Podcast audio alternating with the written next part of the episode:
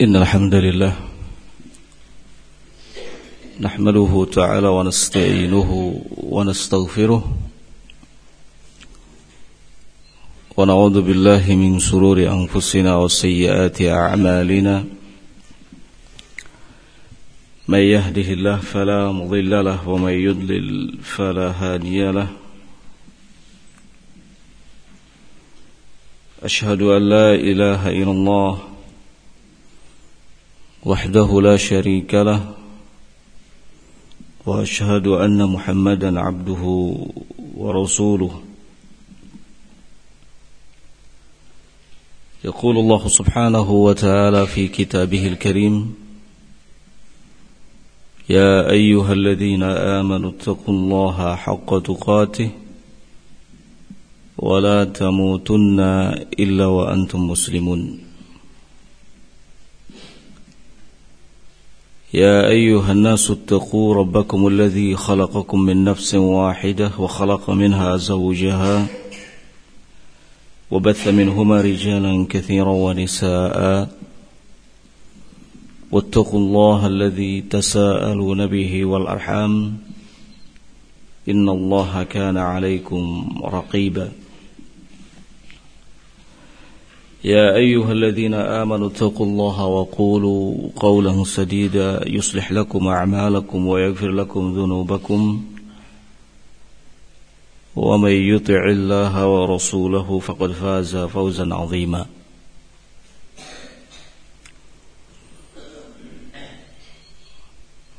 أما بعد فإن أصدق الحديث كلام الله تعالى وخير الهدي هدي محمد صلى الله عليه وعلى آله وسلم وشر الأمور محدثاتها فإن كل محدثة في دين الله بدعة وكل بدعة ضلالة وكل ضلالة في النار.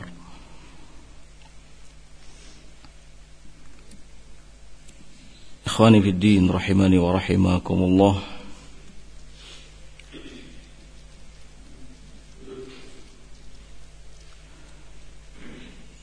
Dalam kitab Adabul Mufrad Imam Al-Bukhari rahimahullahu taala meriwayatkan sebuah hadis dari sahabat Abdullah bin Amr ibn al-As radhiyallahu taala anhu Hadis ini disahihkan oleh Syekh Al-Albani rahimahullahu taala. Hadis yang dimaksud adalah Rasulullah sallallahu alaihi wa ala alihi wasallam bersabda man lam yarham saghirana wa ya'rif haqqa kabirina falaysa minna Man lam yarham صغيرنا ويعرف حق كبيرنا فليس منا Barang siapa yang tidak menyayangi yang kecil dan mengetahui hak yang besar maka dia tidak termasuk ke dalam golongan kami.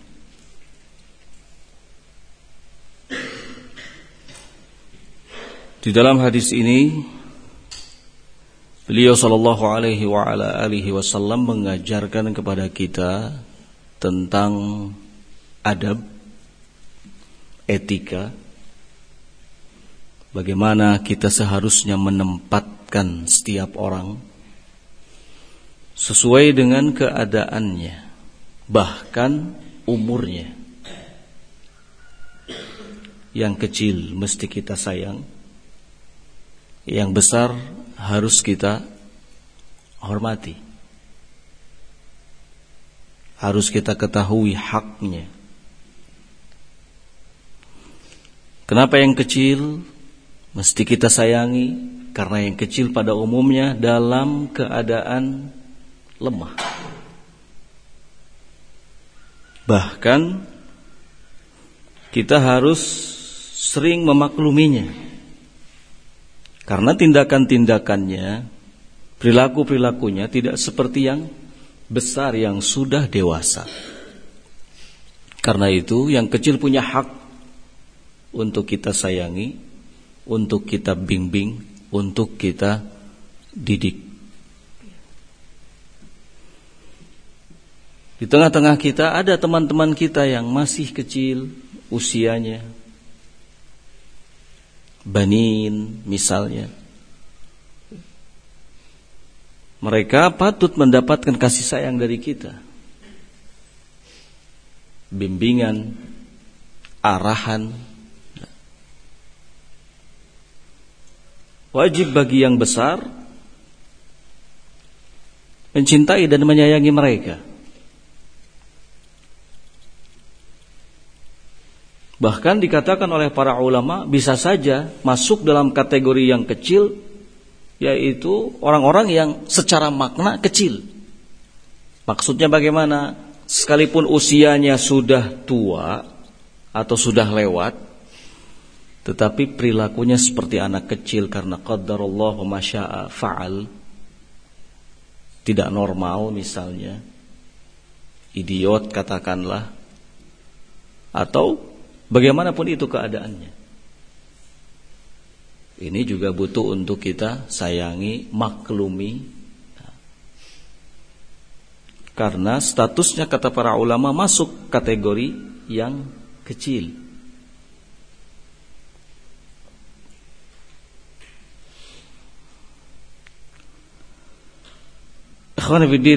Rahimakumullah. Imam Al-Munawi dalam kitab Faidul Qadir. Beliau mengatakan Fattahdhiru min kulli min huma wahdah.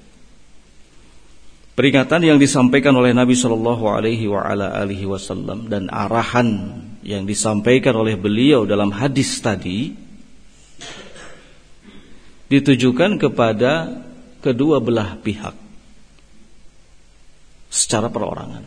Pertama kepada yang kecil, kedua kepada yang besar. Yang kecil harus kita sayangi, sedangkan yang besar harus kita hormati, harus kita ketahui haknya. Fayata'ayyan an yu'amila kullan minhuma mimma yaliq. Oleh karena itu kata beliau, menjadi sebuah keharusan. Berinteraksi, bermuamalah dengan keduanya secara sesuai.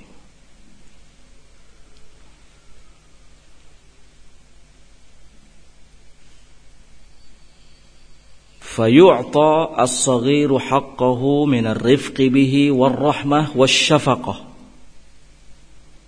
yang kecil diberikan haknya seperti kasih sayang kelembutan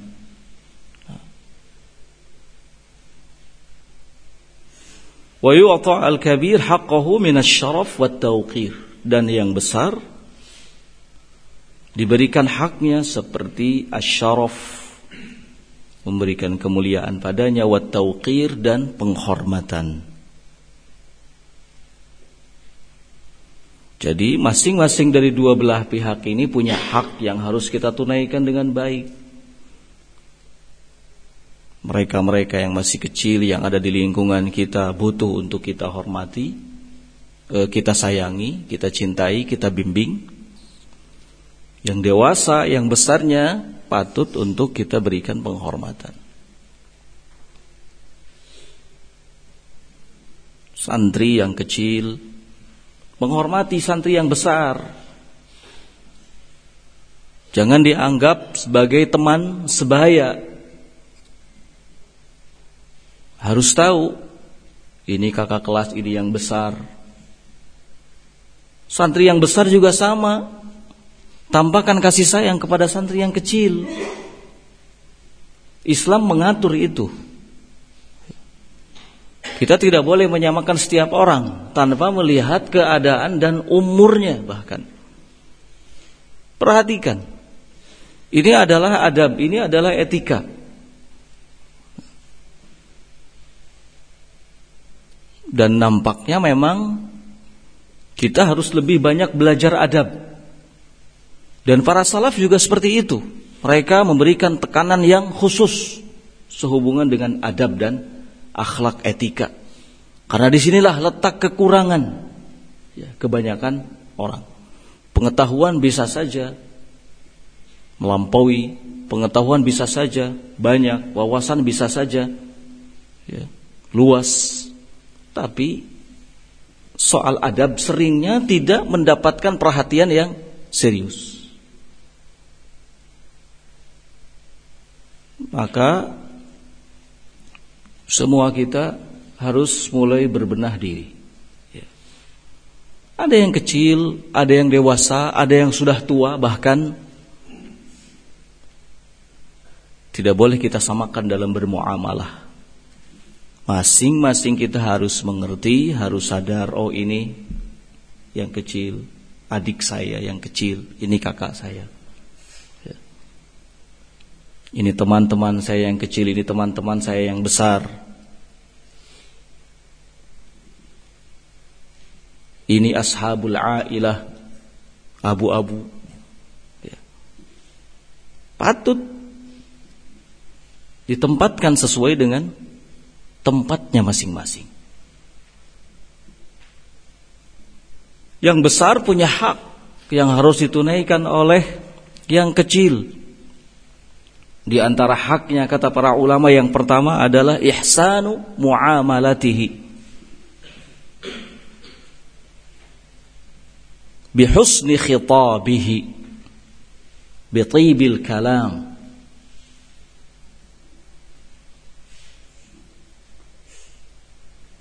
Menampakkan muamalah yang baik terhadapnya. dengan menyampaikan kata-kata yang baik ketika berbicara. Ini yang pertama, lihat siapa yang diajak bicara.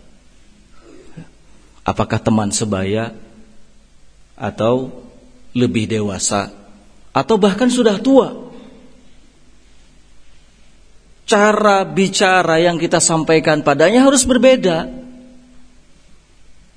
Gak boleh sama.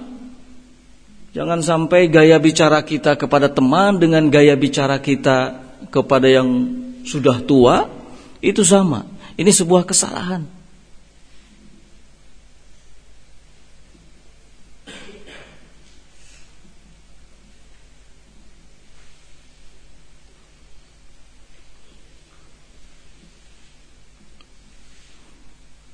Kalau kepada teman sebaya kita bercanda, kita bicara apa pun tidak jadi masalah. Tapi kalau kepada yang lebih tua atau bahkan ke orang tua ini menjadi sesuatu yang bermasalah. Keliru, salah. Keluar dari adab dan etika yang diajarkan oleh Islam. Sunnah Nabi Shallallahu Alaihi Wasallam tidak mengajarkan seperti itu. Ya. Dalam hadis Nabi Shallallahu Alaihi Wasallam menyatakan hadis Abu Musa al Ashari, Inna min ijlalillah ikram di syaibatil muslim. Lihat Inna min ijlalillah sesungguhnya termasuk mengagungkan Allah Subhanahu wa taala adalah ikram syaibatil muslim menghormati seorang muslim yang sudah tua ya.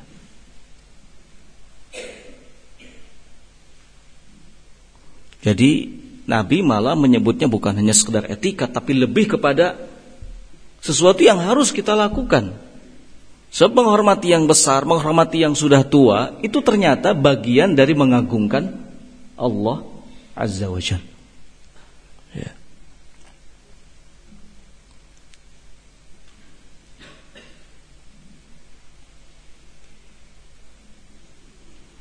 Santri yang kecil, banin ini. Kalau bicara kepada santri yang besar harus berbeda bahasanya.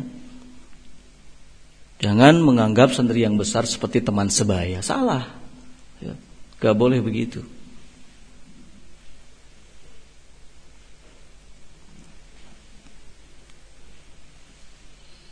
Jangan ngajak teman yang lebih besar bermain-main.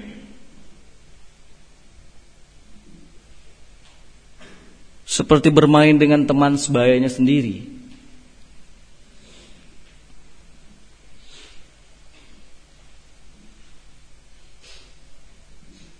Nah, santri yang besar juga harus perhatian dalam hal ini.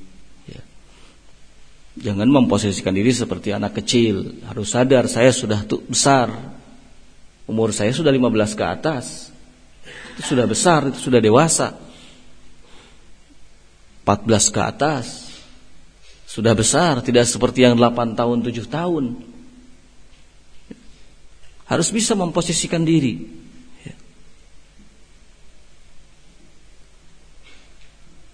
Karena terkadang haibah seseorang itu muncul dari situ. Kewibawaan seseorang muncul dari situ. Di mana kita harus menempatkan posisi kita itu apa? Kita ini siapa dan kita bagaimana?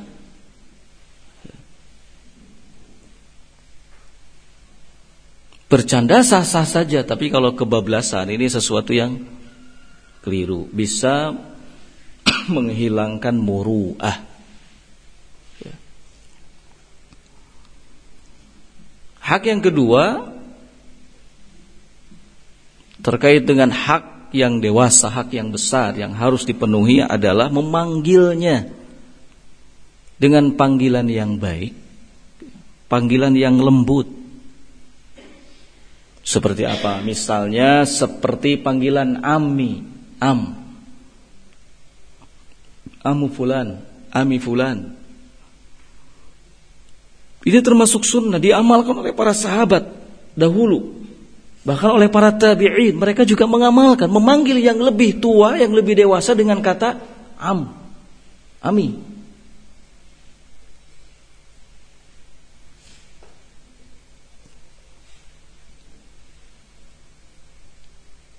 Sekalipun bukan pamannya secara nasab,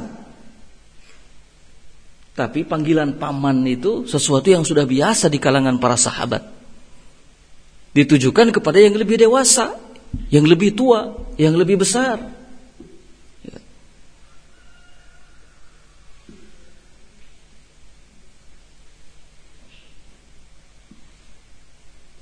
Jangan sampai memanggil yang lebih tua, yang lebih dewasa, yang lebih besar dengan namanya. Ini sesuatu yang keluar dari adab Islam.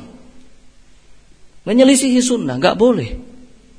Jangan sampai ada banin panggil Ami Alpin dengan Alpin, Alpin. Ini adab yang kurang baik. Panggil Ami Alvin. Di sini beliau lebih tua. Ya. Sama termasuk santri juga. Yang besar, Ami Alvin lebih tua. Panggil Ami Alvin. Jangan memanggil seperti ke teman sebaya.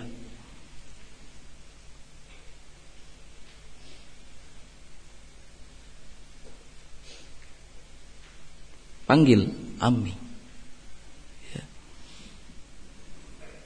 Sekali lagi, panggilan-panggilan Ami ini sesuatu yang biasa di kalangan para sahabat. Bahkan turun-temurun setelah itu para tabi'in juga sama.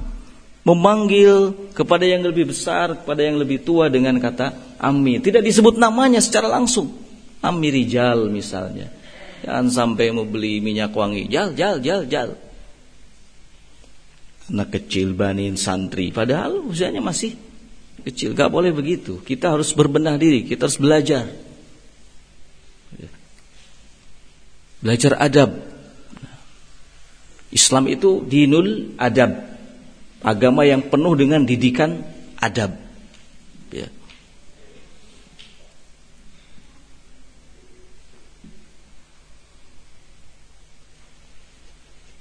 panggil Ami.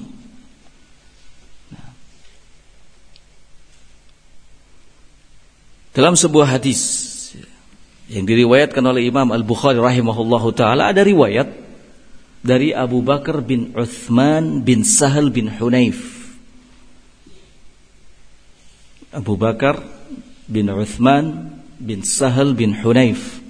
Beliau mengatakan sami'tu Aba Umamah bin Sahal yaqulu. Saya mendengar Abu Umamah bin Sahal mengatakan Sallaina ma'a Umar bin Abdul Aziz Al-Zuhra. Setelah kami sholat bersama dengan Umar bin Abdul Aziz Sholat duhur Thumma kharajna Hatta dakhalna ala Anas bin Malik. Kemudian kami pergi keluar dan menemui sahabat Anas bin Malik. Fawajadnahu yusalli al-asr. Kami dapati beliau sedang sholat asar. Kemudian kata Abu Umamah bin Sahal memanggil sahabat Anas bin Malik. Abu Umamah bin Sahal tabi'in. Memanggil sahabat Anas bin Malik, "Ya am, wahai ammi." Lihat. Padahal bukan pamannya secara nasab. Tapi memanggil Anas bin Malik dengan am. Ya ammi, wahai am. Apakah ini sholat asar yang biasa seperti dilakukan oleh Rasulullah SAW dan seterusnya? Yang perlu digarisbawahi adalah panggilan yang disampaikan oleh seorang tabi'in ketika memanggil berbicara kepada seorang sahabat ya, diawali dengan kata apa? Ya am, wahai paman. Tidak mengatakan, eh Anas, Anas, Ya am, wahai paman. Padahal sekali lagi bukan pamannya secara nasab. Apa susahnya kita yang kecil memanggil kepada yang besar dengan panggilan ami? Ami, ami. Kalau yang besar kepada yang kecil tidak masalah memanggilnya dengan namanya atau de atau siapa. Ya. Tapi kalau yang kecil kepada yang besar panggil yang besar dengan panggilan yang baik. Ini termasuk etika, termasuk adab. Ya. Ingatkan anak didik kita yang banin. Ya. Ketika memanggil yang lebih tua dengan namanya, tegur, jangan panggil namanya, panggil Ami Fulan, Ami Fulan.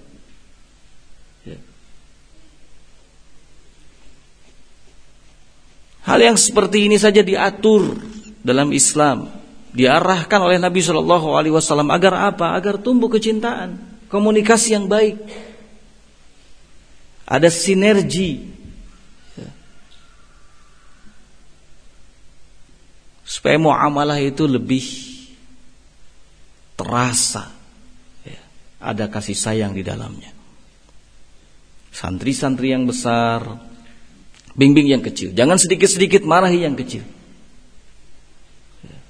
Bimbing, kasih tahu.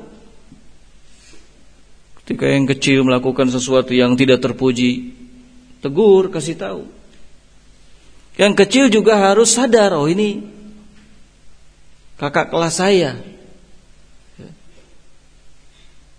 Jangan ngangkrang, jangan melawan ketika diarahkan kepada hal-hal yang baik ya taati turut oh iya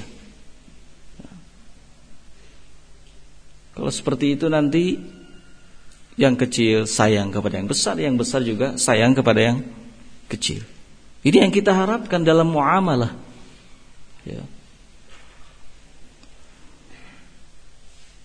Kemudian hak lainnya yang ketiga adalah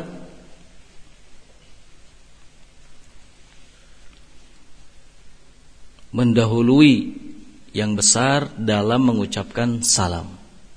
Lihat. Nabi SAW mengatakan, ya, dalam hal salam, kata Nabi, as-saghir alal kabir. Yang kecil mengucapkan salam kepada yang besar, kepada yang lebih tua. Nah.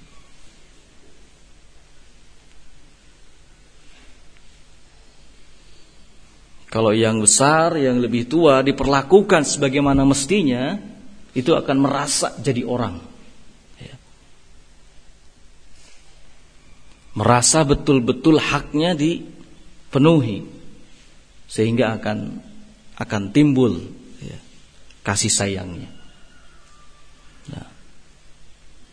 Ucapkan salam, yang banin ketika bertemu dengan santri yang besar, Assalamualaikum. Dahului santri yang besar dengan mengucapkan apa? Salam, karena ini termasuk haknya. Hak yang besar, hak yang lebih tua. Nah. Kemudian yang keempat, yang keempat adalah mendahulukannya dalam berbicara. Dahulukan yang besar saat berbicara. Ini juga termasuk etika. Nabi SAW mengatakan kabir-kabir. Ada sahabat yang usianya relatif masih kecil waktu itu bicara mendahului yang besar. Ditegur oleh Nabi, kabir-kabir. Yang besar dulu, yang besar dulu. Nah, biarkan yang lebih tua dulu bicara. Biarkan yang dewasa dulu bicara. Nah, Ikhwan fiddin rahimani wa rahimakumullah. Semua ini bentuk keagungan Islam, keindahan Islam. Ya. Tidak ada satu masalah pun yang bisa mendatangkan kemaslahatan melainkan diajarkan di dalamnya, dibimbing, diarahkan ya.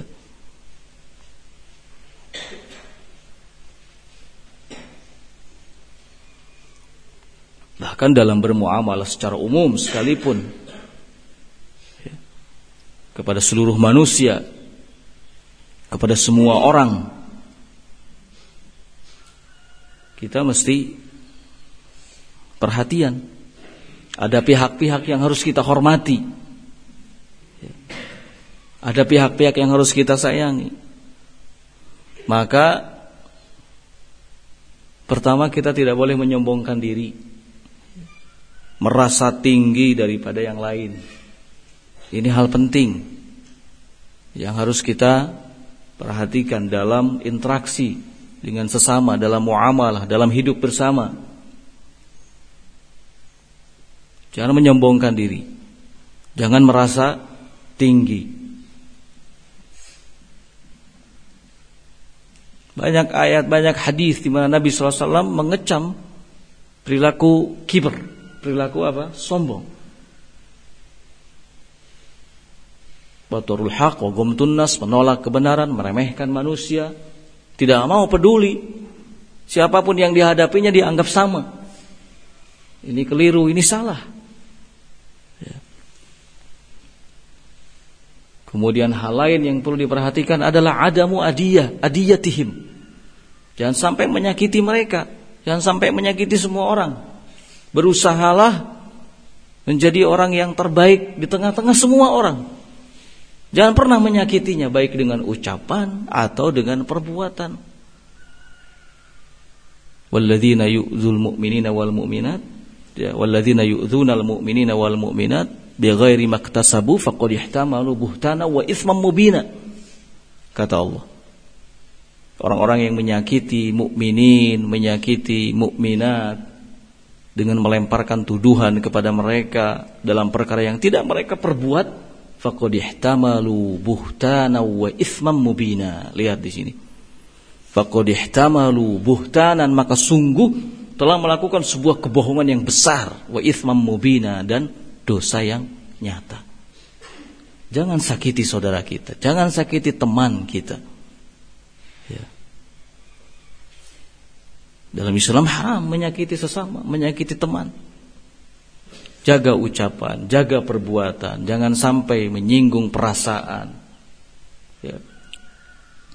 Menyakiti orang lain. Karena kata-kata itu sesuatu yang tidak mungkin bisa kita tarik kembali. Sesuatu yang sudah terucap itu selesai. Nggak bisa kita tarik kembali. Ya. Kalau sesuatu sudah kita ucapkan dan itu salah, kita tidak bisa menariknya kembali. Dan itu akan menjadi dosa.